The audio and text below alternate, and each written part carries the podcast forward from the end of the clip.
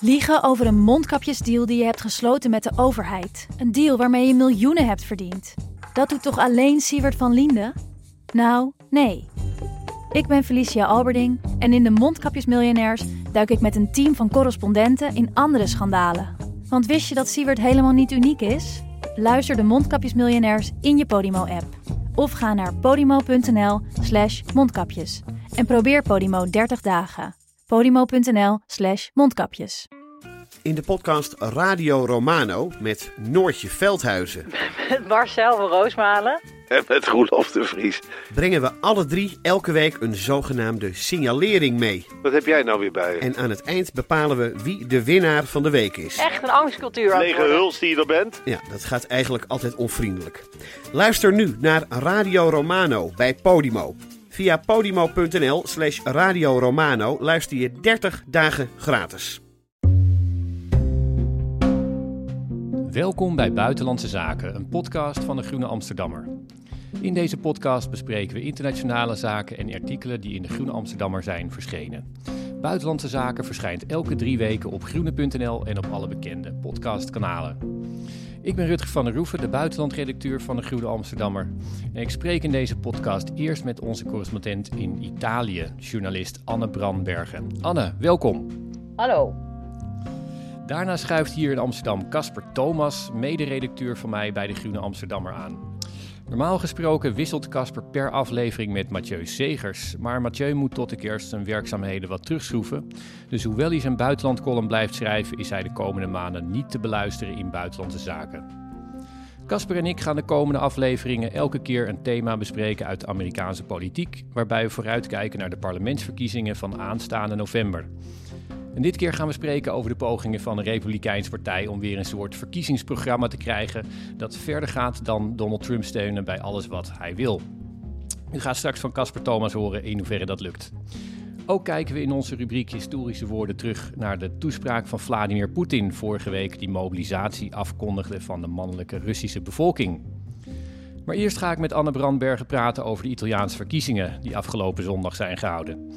Anne, kun je voor de luisteraars die net wat minder goed in de Italiaanse politiek zitten, even kort vertellen waarom deze verkiezingen nu zijn gehouden? Ze stonden pas gepland voor volgend jaar en wat de uitkomst was? Ja, zeker. Nou, eh, inderdaad eh, waren ze eh, logischerwijs volgend jaar geweest. Want een regering zit vijf jaar in Italië. Dus van negt- eh, 2018 tot 2023. Maar haast geen enkele Italiaanse regering heeft dat ooit volgehouden. Dus zo gek is het niet dat de regering na vier jaar al valt. Dat is eigenlijk eh, best nog lang voor Italië. Het is gevallen omdat eh, de zaken waren overgenomen door Mario Draghi, waar heel Europa en de hele democratische westerse wereld ontzettend enthousiast over was, maar velen in Italië niet. Want er werden maatregelen opgelegd eh, waar nogmaals Europa heel blij mee was, maar vonden ze hier minder leuk. Dus hij is uiteindelijk echt ten val gebracht, want zo kan je dat rustig zeggen, door het toedoen van de Movimento Cinque Stelle, de Vijf Sterrenbeweging van, van Beppe Grillo, en door eh, de Lega van Matteo Salvini. Maar de vrouw die nu heeft gewonnen, Giorgia Meloni, eh, was het daar helemaal mee eens. Zij zat in de oppositie. Zij heeft ehm, nou, relatief met veel eh, stemmen gewonnen. Ze heeft ruim 26 procent. En omdat zij zo slim is geweest om wel een goede coalitie vooraf te vormen en te presenteren, hebben ze nu een adembenemende hoeveelheid eh, eh, stemmen voor extreem rechts. Zegt iedereen, nou ja, extreem rechts, streep fascistisch. eh, in Kamer en Senaat, dus een overdonderende meerderheid. Ja, eventjes over die, die Giorgia Meloni. Je zei dat zij, een, ehm, dat zij heeft gewonnen. Zie je het ook echt heel erg als persoonlijkheidspolitiek of meer die agenda waar we het straks nog over gaan hebben, die eh, bij haar eh, best wel sterk naar fascistisch leunt? Ja, eh, helaas is het echt 100% persoonlijkheidspolitiek. En ehm, iemand ehm, voor wie ik veel bewondering heb, een, een commentator van ehm, de linkse krant La Repubblica, die heeft daar een heel goed verhaaltje over geschreven. Dat heet Een kinderlijk volk. Haar naam is Conchita de Gregorio, heel beroemde commentator op, eh, in alle media. En ehm, zij zegt zoiets als dit: Als ik te lang word, dan onderbreek je me. Italianen zijn zoals wanneer je met kinderen naar de kermis gaat en ze halverwege de achtbaan al wijzen naar het spookhuis. Eenmaal in het spookhuis zeuren of ze daarna naar de botsautootjes mogen en dan toch zeker naar het reuzenrad.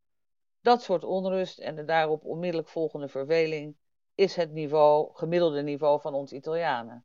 De afgelopen decennia zijn een soort elektronische weidetrek geweest als je even achterom kijkt. Renzi, Grillo, Salvini, Meloni, allemaal 20, 30, 40 procent, boom. In Polonaise van huis tot huis, want ach, het is toch maar voor eventjes en we kunnen altijd weer gaan stemmen. Nou, zij zegt nog meer mooie dingen, maar misschien is dit wel genoeg. Ja, ik ga je daar straks nog eventjes naar, uh, naar vragen, naar die, um, ja, de democratie in Italië. Uh, nog eventjes eerst over die, die coalitie. Je, je vertelde al dat zij zelf een, um, een, een partij leidt die uh, neofascistische wortels heeft. Uh, ze, ze, zit in een coalitie met de partij van Berlusconi, ja, populistisch rechts. En dan de Lega van Matteo Salvini, ook een, een, een, zeer rechtse partij nou ja, um, als je van een afstandje kijkt, zou je kunnen zeggen van, nou ja, oké, dat, is, dat is zorgwekkend. Maar aan de andere kant heeft diezelfde winnende coalitie ook al eens gewonnen onder Berlusconi in 2001 en 2006. Toen was weliswaar Berlusconi de grootste van die drie partijen. Maar is dat dan toch niet een beetje um, oude wijn in nieuwe zakken? Um, dus anders gezegd, hoe extreem rechts is die winst van deze coalitie eigenlijk? Uh, je hebt helemaal gelijk. Ik moet je alleen ietsje corrigeren op de data. Uh, uh, er zijn drie regeringen Berlusconi geweest, 1994, uh, inderdaad 2001 en toen opnieuw in 2008. En inderdaad is het gezelschap wat we nu opnieuw zien mee verhuizen naar deze regering. Je zag zelfs een foto staan in een krant, heel geestig, met allemaal rondjes rond de hoofden die van Berlusconi 1, 2 en 3 nu mee verhuizen naar uh, Meloni. Nou ja, dat is gewoon een enorme hoeveelheid rondjes. Dus ruim de helft verhuist mee dan 20 jaar ouder inmiddels. Uh, je hebt daar gelijk in. En toch zal het feit dat uh, ja, Meloni zo overtuigend heeft uh, gewonnen, hoog boven Berlusconi en Salvini, die beide voor de 9% zijn gestaakt, zij heeft er ruim 26, zal het toch tot een heel andere regering met een heel andere sfeer maken. Ik zou niet meteen zeggen fascistisch. Ik denk dat ze daar eventjes eventjes mee wacht, dat ze even voorzichtig is. Ja, dat is wel grappig trouwens als je het hebt over die twee mannen en, uh, en Meloni. Berlusconi, die kennen we natuurlijk van uh, de Boonga Boonga feestjes en uh, nou ja, een zeer macho man. Denk je dat zij, er is er wel eens geopperd in, in commentaren zag ik, dat, dat deze twee heren het misschien ehm, toch wel lastig zullen vinden om als ehm, ja, junior partner, als kleine broertje van, van Meloni op te treden. Zie je daar ook een persoonlijkheidsprobleem of denk je dat het dan meevalt? Nee, je hebt helemaal gelijk. Uh, die commentaren hebben helemaal gelijk. Dat gaat heel erg moeilijk worden voor deze twee uh, uh, enorme ego's. Maar het gaat haar toch. Kijk, ik, ik uh, zag vanochtend dat ze nu al schijnt te hebben gezegd dat Salvini, de man die leeft voor het bestrijden van vluchtelingen, dat hij niet het ministerie van Binnenlandse Zaken en geen enkel ander sleutelministerie zal krijgen. Dat ze dat nu al zegt, nou, dan heb je nu al hommeles, denk ik. Ik ben heel benieuwd wat hij vandaag dan gaat doen. Uh, maar ik denk dat hij dit niet gaat uh, pikken. Want hij heeft gisteren in zijn betoog uh, aan de teleurgestelde kiezers van de Lega gezegd dat als iets als een paal boven water staat, is het natuurlijk ehm, de capaciteit van de Lega, Lees Salvini, om om te gaan met veiligheid en landsgrenzen. Daarmee bedoelt hij het ministerie van Binnenlandse Zaken. Dus kijk, alleen al dat je dat nu al zegt, dus voordat er iets van een formatie is geweest, dat kan uh, de boel enorm op scherp zetten. Het is dapper van hem. Nou, als je, als je zeg maar vanuit Nederland naar die cijfers kijkt, dan lijkt het alsof nou, het is een duidelijke overwinning. 44 procent eh, uit mijn hoofd van die rechtse coalitie. Maar de linkse partijen bij elkaar opgeteld en centrum zit er niet super ver achter, 35. Dus dan zou je uit Nederlands referentiekader zeggen van nou, dat is uh, nou, nog niet eens zo slecht gedaan. Maar dat wordt toch heel anders gezien. Um, kun, je, kun je uitleggen uh, waarom dat is? En kun je ook zeggen in hoeverre je dit ziet als een, uh, al, zeg maar een puur rechtse winst of ook echt een, een links verlies? Dat het, dat het in, in hoge mate ook ligt aan, uh, aan, aan wat links heeft laten zien in de verkiezingen? Uh, wat ik hier heb, uh, is dat de centrumrechtse coalitie, die zich dus duidelijk van tevoren heeft gevormd, ruim 44% heeft in Kamer en Senaat. En dat de centrum-linkse coalitie, die dus uiteindelijk helemaal geen coalitie was, slechts 25% heb ik, heeft. En dat maakt een enorm verschil in aantal gedeputeerden en, en machtsverhoudingen. Waarom? Omdat er in 2018 een kieswet is aangenomen door links. En dat was echt om de uh, vijf sterrenbeweging van Grillo te dwarsbomen. Waarin uh, coalitievorming enorm wordt, uh, wordt beloond. Dus wie van tevoren een duidelijke coalitie weet te presenteren en ook naar de kiezer toe, die krijgt pakken extra ja, premiezetels. en dat is dus nu heel erg het geval, want ehm, in de Kamer krijgt de centrumrechtse coalitie 235 zetels en de centrum-linkse 80. Nou ja, dat is een enorme wanproportie. En in de Senaat centrum-rechts 112 en centrum-links 39. Kortom, niks in de melk te brokken. Waarom? Omdat ze uh, geen enkele poging hebben gedaan zelfs om met uh, weliswaar ja, geen uh, hart, hartsvrienden, maar toch uh, partijen waarmee het had gekund, een coalitie te vormen. Links heb ik het over. En uh, nou ja, dat is heel trots aangekondigd van we gaan er alleen voor en we hebben vertrouwen in het Italiaanse volk. Nou, hier zijn we dan. Als je met die mogelijke partners gewoon een coalitie had gevormd, dan had, uh, hadden rechts en links uh, elkaar uh, perfect even, evenwicht geboden. Dan was dit niet gebeurd. Dus wat jij vroeg, begin van jouw vraag, heeft links dit toch niet vooral aan zichzelf te danken, ja. Nou goed, um, om dan terug te keren naar dat element wat je eerder aanroerde, dat van die, uh, die kinderen op de kermis. Ja, je hebt, je hebt ook in eerdere stukken over, in de Groene Amsterdammer heb je je wel, uh, wel eens wat minder positief uitgelaten over democratisch bewustzijn in Italië.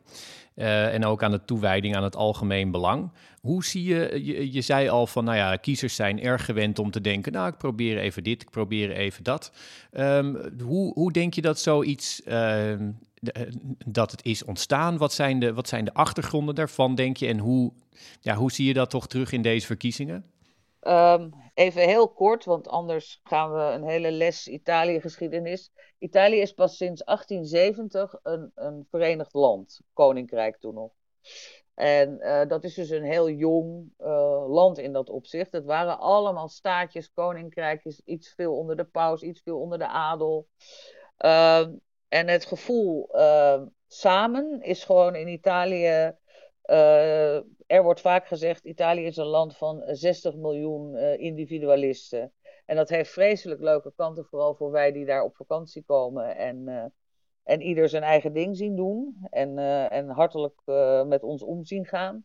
Maar het is als je wat dan ook moet organiseren, verkiezingen, beslissingen, zoals nu bijvoorbeeld het geld van Europa, wat alleen binnengehaald kan worden als er echt bepaalde besluiten niet alleen doorgevoerd, maar ook nageleefd kan worden, dan is het een, uh, een ramp hier, uh, hier in Italië. Want uh, inderdaad, zoals jij zei, algemeen belang, wat is dat? dat? Dat bestaat niet. Er bestaat mijn belang en dat van mijn clan. En dat is dus een heel groot probleem van, van Italië. Ze hebben die, ja, die opvoeding niet gehad.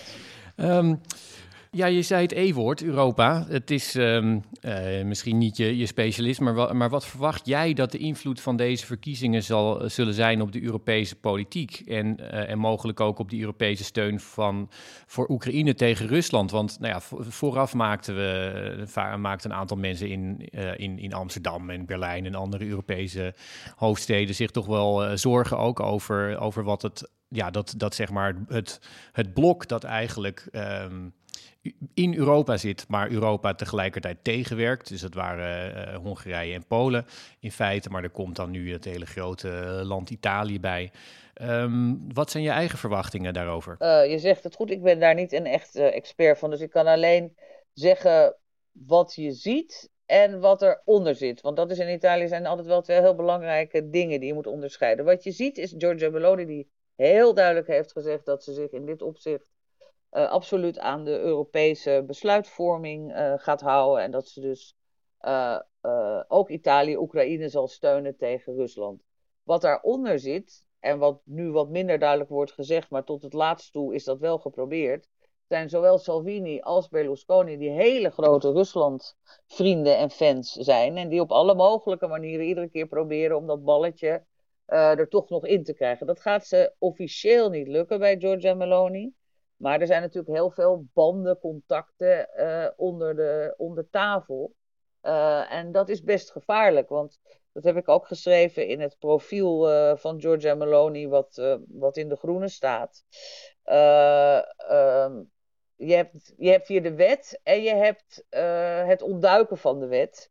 En dan geef je het gewoon een andere naam en dan doe je het toch, zeg maar. En in dat artikel sloeg het op het feit dat ondanks het feit dat het uh, heroprichten van een uh, fascistische partij na de Tweede Wereldoorlog in de grondwet echt verboden is, is dat toch meteen gebeurd in 1946. En dan noem je het gewoon anders en dan, en dan doe je het toch. Ditzelfde zou je in principe, vrees ik, zou kunnen slaan op, op Europa en en de banden met Rusland. Uh, officieel nee, zal ze zich houden aan wat het algemene beleid is. Maar ja, die twee heren die hebben wel uh, machtige banden. En je weet niet wat daar uh, onder tafel eigenlijk misschien uh, voor veel belangrijkers gebeurt dan boven tafel. Ja, nou als laatste vraag dan. Je had het over het verschil tussen, tussen woorden en daden. Ik heb hier in Nederland ging een aantal filmpjes van Meloni rond. Onder andere dat ze als voorzitter van de jeugdafdeling van die ja, neofascistische partij waar je het over had. Vertelde dat zij uh, groot bewonderaar was van Mussolini en dat Italië meer Mussolini nodig had en dergelijke. En een andere toespraak die ze heeft gehouden, volgens mij in aanloop naar deze verkiezingen, waar ze heel duidelijk dat wij versus zij frame um, gebruikte, wat, uh, ja, wat, wat, populisten vaak doen van. Ehm, zij willen jullie je identiteit afnemen, zij willen jullie je gender afnemen, ze willen jullie abortus opdringen. En uh, nou, ze had het over de internationale bankiers en dergelijke. Nou ja, dat is, dat is taal waar we erg, uh, erg, erg bang van worden, denk ik. Maar is dat, um, denk jij dat, dat de daden die erbij horen, als je het echt denkt, uh, hebt over um, ja, het moeilijk maken van al deze mensen die dan in haar ogen niet in het plaatje zouden passen, denk je dat, dat die daden dan daarbij wel zullen achterblijven? Um, op dit moment moet je zeggen, we zullen zien. Uh, zij heeft meteen, toen duidelijk was dat ze absolute winnaar was, een heel mooi en uh, hele land omarmend betoog gehouden, waarin ze ook vooral haar eigen gelederen, en dat is niet neo of zo fascistisch, maar dat is gewoon fascistisch, het spijt me, uh, he, waarschuwt ze om nou niet uh, te gaan uh, triomfantelijk te gaan rondlopen en uh, de vijand te vernederen. Ze zegt: Dit is pas. En we hebben nu gewonnen, maar dat is niet een, een, een, punt van aankomst, dat is een punt van vertrek. En we gaan nu laten zien wat wij kunnen voor het land. En we gaan voor iedereen een, een, een, een, regering vormen en heel Italië enzovoort. Dat klinkt allemaal keurig. Dat andere wat jij zegt is natuurlijk ook waar. En zij is uh, heel handig in het bespelen van het juiste register op het juiste moment. Zo zei ze bijvoorbeeld in die inauguratiespeech, je zou kunnen zeggen van haar als premier, iets waarvan je denkt, wat bedoel je daar dan mee? Dan zegt ze, ik weet dat dit een moment voor velen van ons is om te huilen, om herinneringen te koesteren, om elkaar te omhelzen, om eindelijk uh, met open gezicht uh, de straat op te kunnen. En denk je, wat bedoel je daar nou mee, Georgia? Want eigenlijk bedoel je daarmee dat het altijd inderdaad enigszins in de kast gestopte. Ik ben een fascist, zeg maar, uh, sinds de Tweede Wereldoorlog. Dat dat dan nu weer gewoon kan. En dat zegt ze dan niet zo. Dus, maar het is alsmaar het dubbele. Ja, winnen toespreekt met dubbele tong, denk je vaak. Ja, fascisme is natuurlijk ook in Italië wel echt een, een heel erg besmet gedachtegoed. En de partij waar zij uit voortkomt, heeft dan wel uh, ja, fascistische wortels. Maar denk jij toch dat ze, dat, uh, dat ze het gedachtegoed van die partij een nieuwe invulling wil gaan geven? Oh, uh, zeker. En, en in, in veel opzichten eh, lukt dat ook. Ik zou haar ook op een heleboel punten rustig wel vertrouwen. Het is wel een vrouw, een vrouw, een woord, een woord en zo. Als ze zegt dat gaan we doen, dan gaan we dat ook doen. Dat is al heel wat in Italië. Maar het is gewoon, als je kijkt wat haar achterban is en waar zij ook zelf echt is opgegroeid en wat haar, haar close, close vrienden zijn. Dat zie je ook aan haar gezicht, dat ligt helemaal op als ze bepaalde types in de menigte ziet. Ja, dan denk je toch, ja, uh, dat is wel het gedachtegoed. Dat heeft ze prachtig uh, schoongepoetst even nu. Maar zoals jij zegt, wat gaan we dan nu doen? Ja, dat, daar hou je wel je hart voor vast, ja. Goed, nou dat klinkt heel, heel opgewekt. Anne, hartelijk, hartelijk dank. Wij gaan meekijken vanuit Amsterdam, jij vanuit Rome. Heel erg bedankt voor, voor je uitleg hierbij. Oké, dank je.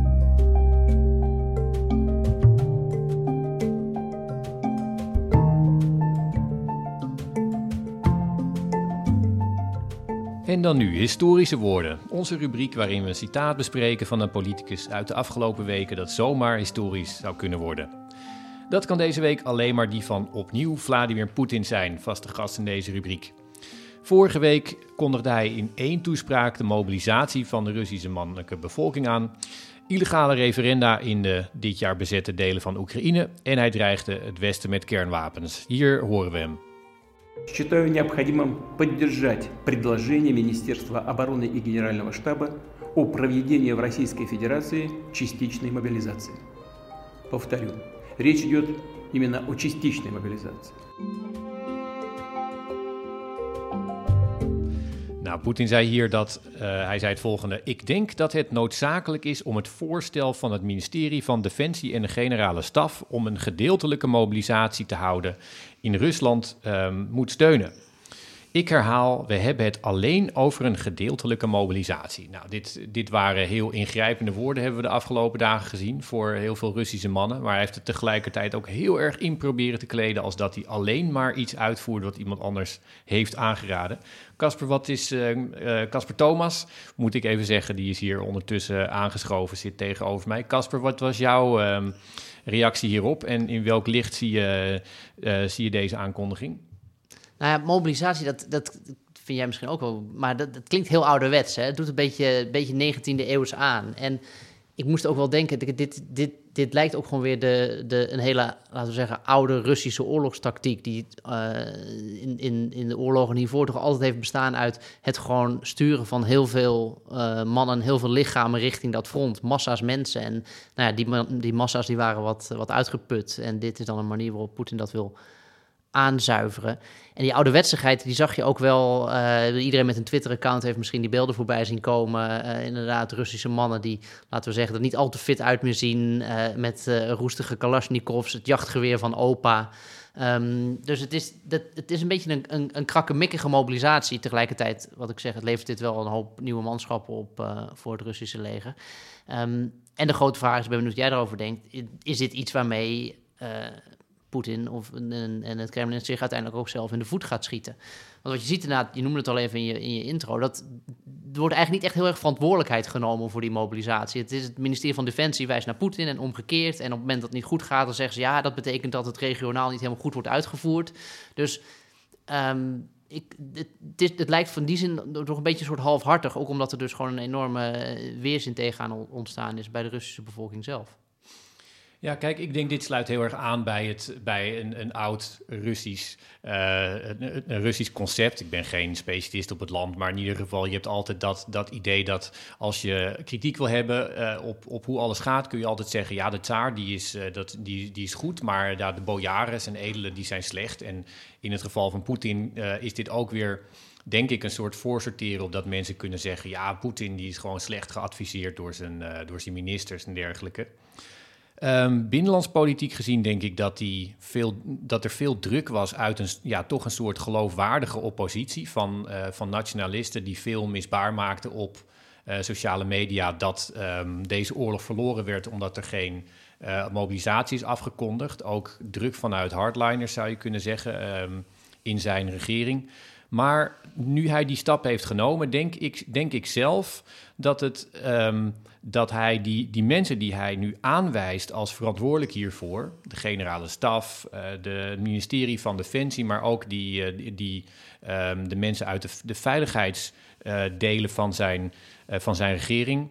Ik denk dat zij um, als, als dit misloopt, en ik denk dat het niet gaat leiden tot een, ja, dat, dat Rusland deze oorlog toch gaat winnen, dat zij wel eens um, in plaats van dan de val zullen nemen, dat ze zich wel eens tegen Poetin zouden kunnen keren. Ik denk dat het hiermee voor Poetin zelf um, gevaarlijker is geworden, deze oorlog.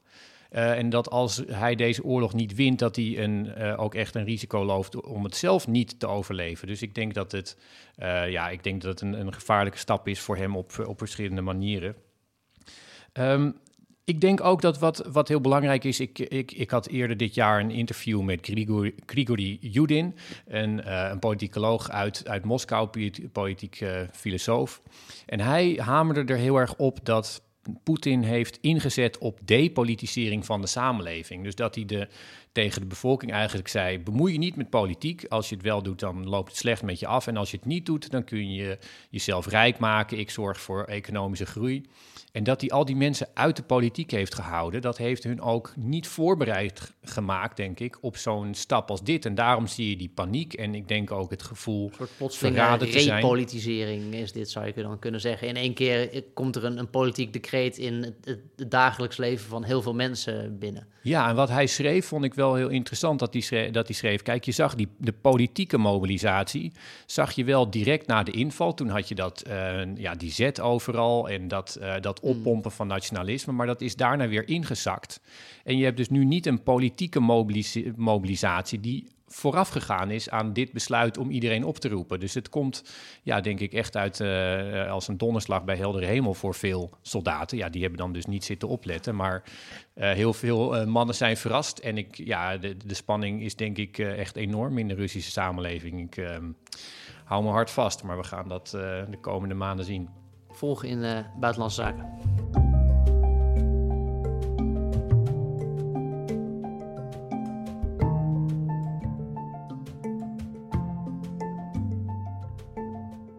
En dan nu de Verenigde Staten. Tot aan de verkiezingen in november praten Casper Thomas en ik elke keer bij Buitenlandzaken een blokje over de Verenigde Staten. Een soort herhaling van Radio Amerika wat we deden tijdens de vorige presidentsverkiezingen in de Verenigde Staten. Dit keer zijn het dus parlementsverkiezingen. En uh, deze keer gaan we praten over de Republikeinen en hun plannen voor Amerika. Of zijn de Republikeinen eigenlijk gewoon een, een, partij van de antipolitiek geworden die geen plannen nodig heeft. Nou, als je eh, dat afvraagt, dan was er afgelopen week opeens een Commitment to America. Een soort uh, lijstje wat dan een, een, insteek moest worden voor een nieuwe ca campagne. Casper, um, wat is er aan de hand? Is dit een nieuw campagneprogramma of niet? Ja, dat was best opvallend. Uh, je denkt, een partij die met een, met een programma komt en met een slogan, dat is toch iets doodnormaals. Maar dat is eigenlijk niet zo normaal meer. Uh, en in ieder geval aan één kant in Amerika in het, aan het, uh, van het politieke spectrum. Want eigenlijk sinds Trump op, op de voorgrond is getreden, is de Republikeinse Partij min of meer opgehouden, zou je kunnen zeggen, met het, uh, het schrijven van verkiezingsprogramma's, het bedenken van slogans, want ze hadden er alleen, dat was de, de beroemde Make America Great Again. Dus het hele idee van dat je een soort ideologische, inhoudelijke onderbouwing van je politiek moet hebben, die is er een beetje aangegaan bij de Republikeinen. Um, en dat het ultieme voorbeeld daarvan was eigenlijk, dat was in... Uh, eigenlijk bij de, aan de vorige presidentsverkiezingen, die van 2020 dus. Uh, toen kwam de Republikeinse Partij samen op hun nationale conventie, weet je, en dan gingen ze dan hun partijprogramma opstellen. En dan de conclusie was dat ze een partijprogramma van één punt hadden, en dat was enthousiast doorgaan met het steunen van Donald Trump. Nou, dat was een soort ideologische cirkelredenering was dat. Maar goed, deze week ineens uh, lijkt het alsof die Republikeinen toch denken van... oh, we moeten de kiezer misschien iets meer bieden dan achter de grote man aanlopen. Dus ze kwamen toch met een programma. Uh, en dat werd eigenlijk gepresenteerd vanuit het Huis van Afgevaardigden. En ze noemen dat dan inderdaad een commitment to America. Een, een toewijding zou je kunnen zeggen aan het, uh, aan het land. Nou, ik zal even wat dingen eruit lichten. Uh, meer politie op straat, maar veel minder belastinginspecteurs. dat is een, een, het even de vraag hoe die natuurlijk aan elkaar gekoppeld zijn. Want als je minder belasting ophaalt, waar ga je die politie dan van betalen? Maar goed, dat is een. Dat in ieder geval lekker. Ja, en dat, dat belasting dat is heel specifiek. De democraten willen juist de, de Amerikaanse Belastingdienst verstevigen om achter belastingontwijkingen aan te gaan. Nou, de Republikeinen zeggen stem op onze vertegenwoordigers, dan uh, hoef je in ieder geval minder bang te zijn dat je gecontroleerd wordt. Maar goed, er zit een ander punt interessant, ook typisch voor dit moment, is uh, de belofte meer grip voor ouders op de schoolcurricula. Dus wat, wat je kind te horen krijgt in, uh, in het klaslokaal. Als je op de Republikeinen, de Republikein stemt, dan kun je daar meer invloed op uitoefenen. Nou, dat, dat, speelt, voor mij hebben we het er wel misschien over gehad hier inderdaad. De schoolstrijd die er speelt, het idee dat het onderwijs linkse indoctrinatie zou zijn, dat is een, een geloofsartikel geworden bij de Republikeinen. Nou, er ook lagere prijzen. Goed, dat is een heel algemeen punt. Wie wil dat nou niet? Uh, maar goed, het idee is dat dat dan voornamelijk door minder overheidsuitgaven uh, tot stand moet komen. Dus een soort kleine overheidsagenda, meer veiligheid, uh, dichtere grenzen. Het is allemaal vrij klassiek. En het, is niet, al, niet altijd opzienbarend. Het, feit dat ze met iets komen, is op dit moment opzienbarend. Um, en daar komen we misschien zo meteen nog even over te, over te spreken. Want dit doet eigenlijk terug, denk ik. Ik weet niet of jij dit kunt herinneren. Ik kon het me sowieso niet herinneren natuurlijk, maar ik heb het was opgezocht. Er het lijkt eigenlijk op de jaren 90. Toen kwamen de Republikeinen met een contract with America. Dat was hun politieke strategie voor de midtermverkiezing in 94, als ik me niet vergis. En dat werkte toen heel erg goed, want in die verkiezingen wonnen de Republikeinen zowel de Senaat als het Huis van Afgevaardigden met dat, uh, met dat programma. En de bedenker daarvan was Newt Gingrich. En dat is iemand waar we zo meteen volgens mij nog wel even meer over komen te spreken, want die speelt eigenlijk een soort rol in, in het onderwerp waar we het eigenlijk hier verder over gaan hebben. Republikeinen, hebben ze nou inhoud, ja of nee? Ja, nee, ik, uh, ik ga een tijdje mee. Dus Newt Gingrich, die, uh, die herinner ik me nog als, als de dag van gisteren, Casper. Maar... Um, de, een quizvraag voor je. Weet, je. weet je waar die nu zit? Um, nee, geen idee. Ja, hij, hij schreef eerst uh, vage science fiction boekjes, geloof ik. Maar uh, nee. Hij is ambassadeur bij het Vaticaan, volgens mij, als ik me niet vergis. Maar de, tenminste, dat, dat, dat was mijn laatste... ik heb hem wel eens bij een forum zien spreken in Washington. En toen was hij daar in die hoedanigheid. Maar goed, dat is hij. Extreem slechte uh, kandidaat voor die plek, denk ik. Maar um, ja, mijn eerste gedachte zou toch zijn dat con Contract with America, dat was echt bedoeld als een soort oppositie. Um, agenda tegen Clinton. En uh, dat, dat zette heel zwaar in op misdaad, als ik me goed herinner. Dat was in ieder geval een, een serieuze poging om, om een politieke aanval te doen. Maar als ik jou zo hoor, dan is eigenlijk het, uh, de hele kern van Commitment to America is een soort uh, nieuwe poging om de, om de, de partij um, op, uh, op, op, een, op een politieke basis te geven en los te maken van Donald Trump. Dus is dit ook dan een poging om te zeggen: um, de Republikeinse Partij uh, moet eigenlijk gewoon weg van, van, van zeggen dat ze, dat ze staan voor alles wat Donald Trump bedenkt? Nou, dat is een hele goede vraag. Ik denk dat het een beetje hedging their bets is, zoals je dat zou kunnen zeggen. Eigenlijk een beetje de, toch wel zorgen dat je iets meer hebt dan alleen Trump. Uh, maar het, is ook, het gaat ook niet in tegen Trump. Het is niets waar Trump niet voor zou kunnen staan. Uh, Trump wordt niet per se genoemd in dit hele, in dit hele programma. Dus uh, het is een beetje zo van een, een, soort zijpad aanleggen, zou je kunnen zeggen. mocht het toch inderdaad blijken dat, dat, dat doorgaan met Trump en doorgaan met dat hele rabiate, radicale Trumpisme, dat dat gewoon een doodlopende weg is. Dus dat dat denk ik wel dat dat er een beetje, een beetje in zit. Tegelijkertijd, en dat is een beetje de, de parallel weer met, dat, met de jaren negentig en dat contract with America en dan nu de commitment to America. Want diezelfde Newt, Gingrich die bedacht dus een soort idee van, nou, eh, de Republikeinen moeten een, een, een, een, een nieuwe toewijding aan het land maken. Er kwam een soort ideologische eh, agenda bij. Maar wat daar ook bij kwam, uh, is eigenlijk de politiek die we juist nu heel erg terugzien in Trump. De politiek van de complete verzinsels, de complottheorieën uitventen. En vooral het hele radicale uh, idee dat de, de, grote vijanden van Amerika in het binnenland zitten. Dat dat eigenlijk de democraten zijn. En dat die kosten wat kost tegengehouden bestreden moeten worden, want anders gaat het land naar de haaien. Nou dat is iets wat eigenlijk toen is ingezet uh, aan de republikeinse kant van het spectrum. En wat volop is doorgegaan. En, en, en Trump en het Trumpisme is eigenlijk de verzinnenbeelding daarvan, de ultieme apotheose. En dit haal ik uit een, uit een boek dat ik hierover zat te lezen afgelopen week. Het heet The Destructionists, dus de vernietigers. Uh, de 25-year crack-up of the Republican Party. Dus de 25-jarige uh, eh, uiteenrafeling van de, de, de Republikeinse Partij. Uh, geschreven door een Washington Post-columnist die dit eigenlijk al die jaren ook heeft gevolgd. En die, die wijst ook die Gingrich aan als, als het scharniermoment. En vooral omdat dat, sorry, daarmee een soort generatiewissel plaatsvond in de Republikeinse Partij. Van een partij die eigenlijk voor heel erg leunde op uh, veteranen uit de Tweede Wereldoorlog en de ethiek die daar ook bij hoorde van Amerika als, als redder van de wereld. Um, naar die nieuwe generatie die uh, een stuk radicaler was. En eigenlijk zou zeggen, de, de vijand zit niet buiten, maar die zit hier, uh, die zit hier binnen. Ik heb daar dan toch een vraag bij, want je Um, Donald Trump was vooral heel erg antipolitiek. Ze de hele tijd zeggen van ze willen alles van je afpakken en uh, wij zijn overal tegen wat, wat de elite in, in Washington wil. Maar wat je beschrijft bij New Gingrich is eigenlijk het binnenlaten van een soort ex, ja, extreem conservatisme, wat heel erg gericht is op, ehm, op wapens, op, op, op, geloof, wat ook duidelijk die ehm, component heeft van, van de, witte, de witte Amerikaan, wordt, wordt straks wordt bedreigd en moet overal plaats maken. Dus is het niet, uh, is, zit daar niet een verschil in tussen zeg maar, het, het, het antipolitiek of die, uh, die Trump voorstaat of die hele, um, die, die, hele rechtse uh, conservatieve agenda van Gingrich en anderen? Nou, dat, nee, eigenlijk liggen die volgens mij juist in elkaars verlengde. Om, vooral omdat ehm, dat wat dit conservatieve deel van Amerika wil en dat wat de speerpunten van de Republikeinse Partij worden, wordt heel erg bepaald door wat de Democraten doen en willen. Dat belastingvoorbeeld wat ik net noemde is wel een aardige.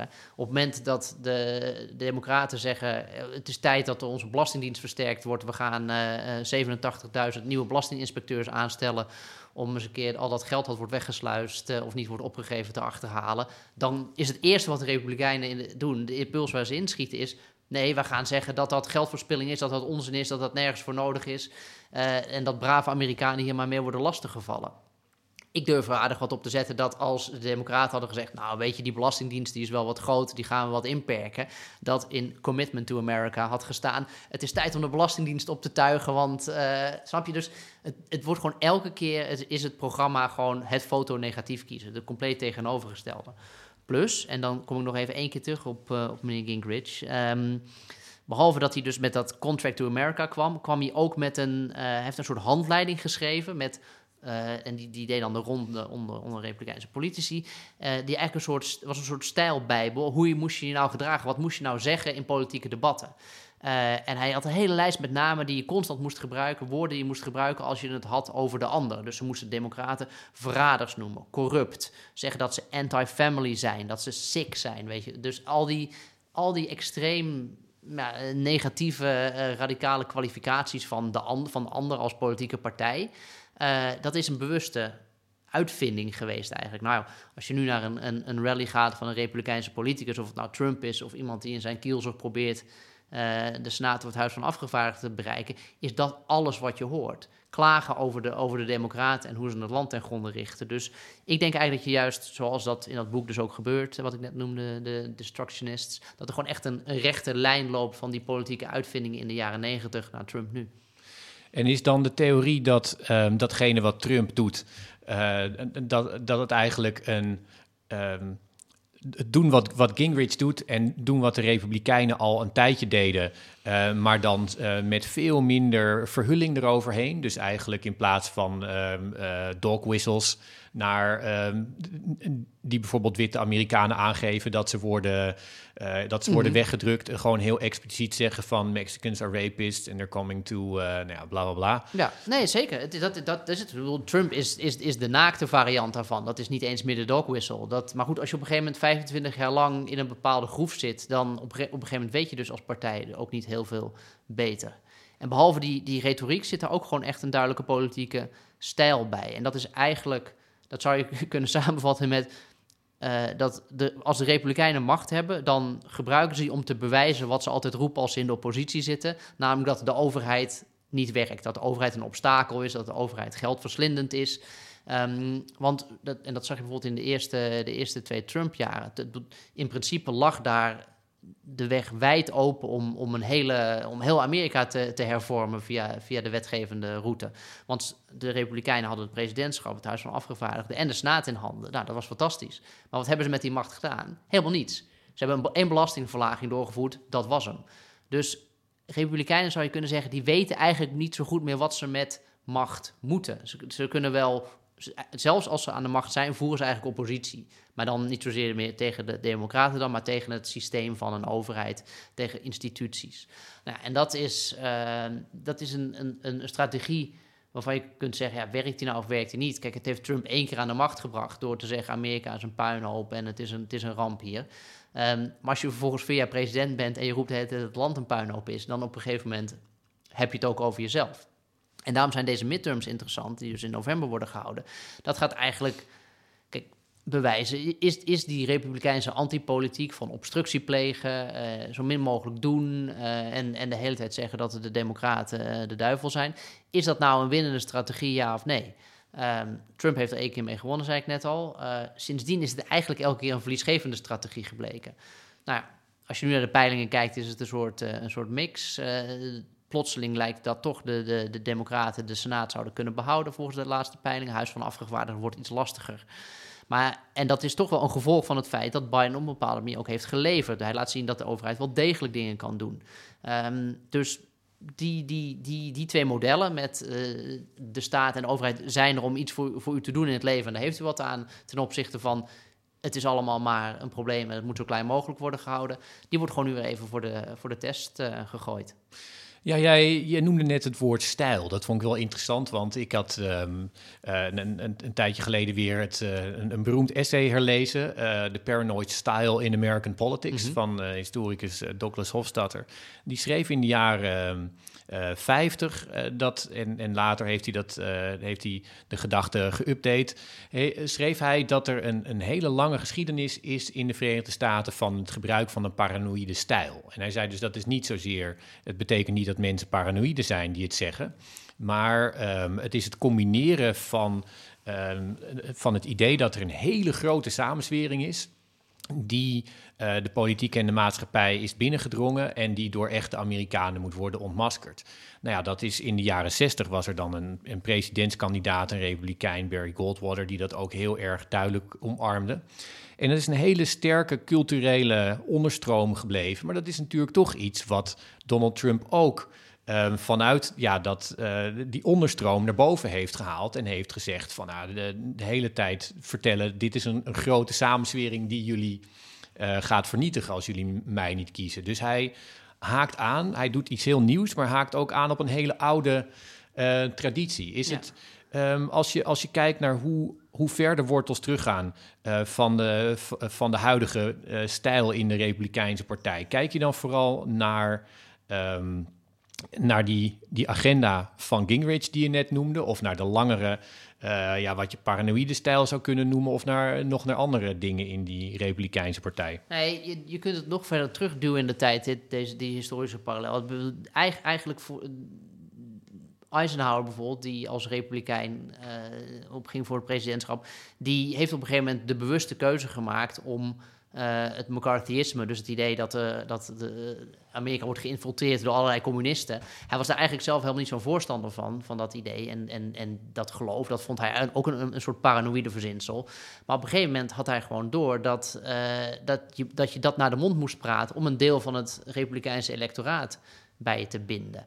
En die deal eigenlijk, dus even laten we zeggen de, de, de complotdenkers, de, de, de paranoïde uh, figuren, dat je die elke keer erbij moet trekken op de een of andere manier, uh, afhankelijk van wat de paranoia van de dag is op dat moment. Dat is een soort rode draad uh, in de republikeinse politiek geweest, al, al, al meer dan een half eeuw. Dat verzin ik niet helemaal zelf. toevallig, de, de, parallel aan dat boek wat ik net noemde, die, die Destructionists, las ik een ander boek en dat heette eigenlijk dat heette American Psychosis. En dat is, wat is een historical investigation in how the Republican Party went crazy. Uh, geschreven door een, journalist van Mother Jones, uh, David Korn heet die man. Uh, dat is een, een, een onderzoeksjournalistiek tijdschrift, zou je kunnen zeggen. En die, die, trekt, die laat eigenlijk zien hoe elke, bijna elke Republikeinse presidentskandidaat de afgelopen jaren, of afgelopen decennia, sorry moet ik zeggen, die deal heeft gemaakt. Dus Eisenhower met het McCarthyisme, Uh, Goldwater met de John Birch Society. Ook eigenlijk een, een, een verzameling uh, complotdenkers, zou je kunnen zeggen. Die, die vonden dat, de, vreesden dat Amerika door, door linkse, sinistere internationale complotten werd overgenomen. Nixon en de Southern Strategy. Dus zeg maar, dat was eigenlijk meer de dog. Dat je een beetje de, de, de, het idee van segregatie min of meer overeind probeerde te houden. Op die manier dus de, de, de, de racistische witte kiezer uh, bij te trekken. Um, Reagan als een van zijn eerste campagnespeeches, die zei, I believe in states' rights. Nou ja, dat, daarmee krijg je de mensen die geloofden dat de Amerikaanse burgeroorlog toch voor nobele doelen gevochten werd door het zuiden dan. Uh, weet je, en zo gaat het maar door. En als je dat op een rij zet tot aan de Tea Party aan toe, uh, het woord dat er wordt gebruikt in dat boek uh, door, die, door die David Corn is kooks, dus K-O-O-K-S. dus dat zouden wij als, ja, zouden wij als, gek, als gekkies, zouden wij eigenlijk misschien zeggen, als je dat zou vertalen. En de Republikeinen, they can't win without the cooks. Dat is eigenlijk een beetje de, uh, de, de, de, conclusie daar. En toen ik, toen ik dat woord las in dat boek, moest ik ook denken aan, aan Lindsey Graham, uh, senator uit South Carolina, die eigenlijk een prominente politicus momenteel, prominente republikein. En toen Trump op het toneel verscheen, was dat het woord wat hij, wat hij gebruikte. En dus gaan, die clipjes kun je overal terugvinden. En hij werd toen geïnterviewd en zei, ja, Donald Trump, I think he is a cook. En, en, en inmiddels is Graham een van de trouwste supporters van Trump geworden. Dus je zou eigenlijk kunnen zeggen dat uh, uh, de, de, uh, de gekkie of de complotdenker is onder het Trumpisme van de fringe, die er een beetje bij moest trekken, naar de kern verschoven. Maar nu heb je toch dan zeg maar een, een, ja, een soort basale vraag. Ik bedoel, als je bijvoorbeeld zo'n man neemt als Eisenhower, je had het over de, over de jaren 50. Nou, dat is echt een hele, een, hele decente en, en centristische man. Uh, absoluut niet, niet radicaal, maar die heeft dus toch, ja, zou je kunnen zeggen, een bepaald deel van de stemmers geaccommodeerd. Die, uh, die wel radicaal was. Die, die liep achter die senator Joe McCarthy aan. Dat was een, een senator die overal communisten wilde, wilde identificeren en wegtrekken. Dus um, het is ook een soort comfortabel verhaal, zou je kunnen zeggen, dat de Republikeinse Partij in zijn hart een, uh, een, een, decente uh, partij is, maar dat ze ja, uit, uit electoraal oogpunt eigenlijk um, ruimte hebben geboden aan ja, wat extremere varianten en dat ze jammer genoeg door Trump zijn, uh, ja, zijn gekaapt. Mm. En dat als hij weg is, dat het dan weer goed zal komen. Dat waren ook wel geluiden die tijdens um, ja, tijdens Trumps presidentschap opspeelde van ja, als hij nou maar weg zou zijn, dan krijgen we weer een normale Republikeinse partij. En dan is eigenlijk, maar dan is de vraag eigenlijk, wat is de Republikeinse partij? Klopt dit dat de Republikeinse partij in zijn hart een, een decente partij is die te veel ruimte heeft gegeven enzovoort? Of denk je, de Republikeinse partij van nu, dat is gewoon een partij van koeks? Nou, nou dat is, dit, dit is een heel belangrijk debat en dat wordt volop gevoerd in Amerika. En, en die theorie van inderdaad, ja, als je het, het, het, stof en het vuil van het Trumpisme eraf veegt, dan heb je nog een, een, een mooie klassieke conservatieve kern over. Um, maar eigenlijk als je dus dat, de, het op een rijtje zet, uh, zoals al in dat, in, dat, in, in, in, in dat boek American Psychosis uh, gebeurt, dan zie je eigenlijk dat, dat, dat die theorie niet helemaal opgaat. Want de, dus de electorale bijdrage van het erbij trekken van de, de, de complotdenkers en de, en, de, en de radicalen en de, uh, de nationalisten. En goed, het is altijd, altijd een bonte mix van, van extreme fringe figuren. Um, zonder dat heeft er eigenlijk nooit een moderne republikeinse partij bestaan. Is dus uh, het antwoord dan is dat eigenlijk dat, dat, toch, dat, er, dat, er, dat er, in de, in de, dat er geen, eigenlijk geen kern is. Um, en ik denk dat Trump dat um, eigenlijk gewoon wel min of meer heeft laten zien. Uh, plus het feit dat, laten we, laten we even zeggen, stel dat er nog een, een groep uh, uh, klassieke conservatieven was binnen de Republikeinse Partij. Um, daarom zijn deze midterms ook weer interessant. Dit zijn echte verkiezingen waarin de partij, laten we zeggen, volledig gezuiverd is van de, de, de, de oude elementen. Ze zijn dan wel vertrokken, weggeprimaried door, door Trump gesteunde kandidaten. Of zoals Lindsey Graham, die ik net al noemde, ze hebben gewoon zelf de ideologische omslag naar het Trumpisme gemaakt. Dus inmiddels uh, hoef je niet meer, is het niet meer een soort deal tussen twee fracties, maar is die radicale fractie gewoon de mainstream geworden. En als je ook electoraal naar kijkt, dat. Het, het, het, wint niet de popular vote. Het wint niet het meeste stemmen in Amerika. Um, het is erg lastig geworden om op basis hiervan uh, de Senaat te winnen, is gebleken. Want dan moet je toch ook echt de meerderheid in een hele staat bij elkaar weten te, weten te krijgen als kandidaat. En Mitch McConnell, die trouwens zelf de, dus de huidige uh, senaatsleider van de Republikeinen, die een beetje de, de belichaming ook is van de obstructiepolitiek. Want hij zegt altijd: Mijn belangrijkste doel is voorkomen dat Biden iets voor elkaar krijgt. Um, die heeft op een gegeven moment gezegd, sorry, ik schreef ook over in, in, een column in de Groene laatst, ja, er is eigenlijk misschien wel een beetje een probleem met de kwaliteit van onze kandidaten. En daarom dreigt de Senaat ons nu door de vingers te glippen. Dus komen we een beetje terug waar we het begin over hadden. Is dit nou een winnende strategie? Uh, ik denk eigenlijk hooguit met hangen en wurgen en een goede dosis geluk.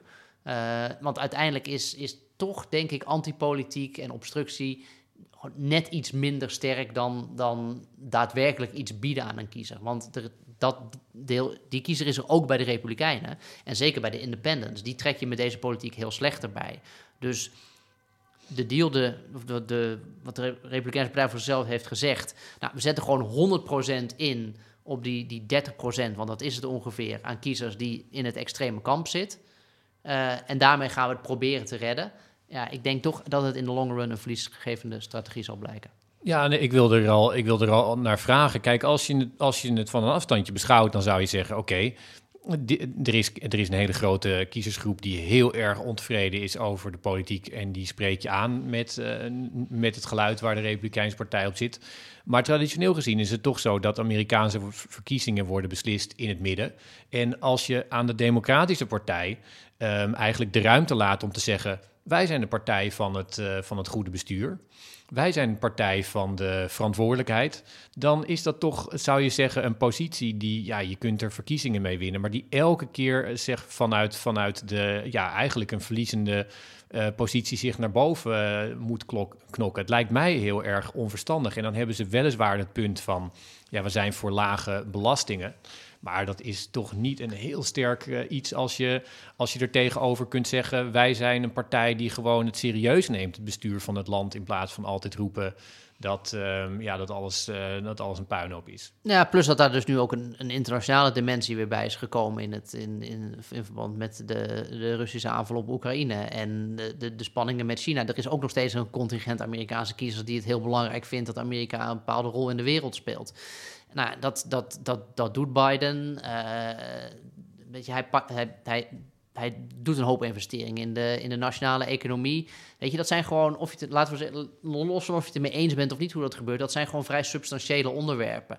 En als het voornaamste dat je daar tegenover gaat zeggen, ja, uh, woke schoolboeken zijn een groot probleem in Amerika, dat is gewoon een vrij dunne basis om, om een hele partij mee overeind te houden. Dus ja, en ik denk ook dat het punt wat je noemde over dat aantrekken van die, eh, van die kwaliteit van kandidaten. Als je op deze manier eigenlijk je, je, de kwaliteit naar de Democratische Partij duwt. In Amerika is toch gewoon, er zijn de verkiezingen een verzameling van individuele races. Van, uh, van persoon tegen persoon. En uh, daarmee zet je jezelf dus ook enorm op achterstand, lijkt me. Als je, als je zorgt dat de kwaliteit van je kandidaten eigenlijk op die manier elke keer ja, toch wel uh, aan de lage kant moet worden gezocht. Ja, maar goed, dit moeten we allemaal toetsen wat we hier nu gezegd hebben. Ook wel echt aan de, aan de uitslag van die midterms. Dus dat, uh, de, de, dat gaan we nog zeker doen. Maar en tot die tijd kunnen we, moeten we op een gegeven moment ook de, de blik weer even draaien. En dan kijken we weer wat kritisch naar de Democraten. Maar dit is even hoe wij uh, op naar de midterms gaan in buitenlandse zaken. Ja, dan kunnen wij bekijken of we alles, alles verkeerd hebben gehad over, over twee maanden. Dat gaan we dan uitgebreid bespreken. Casper, dankjewel. Yes.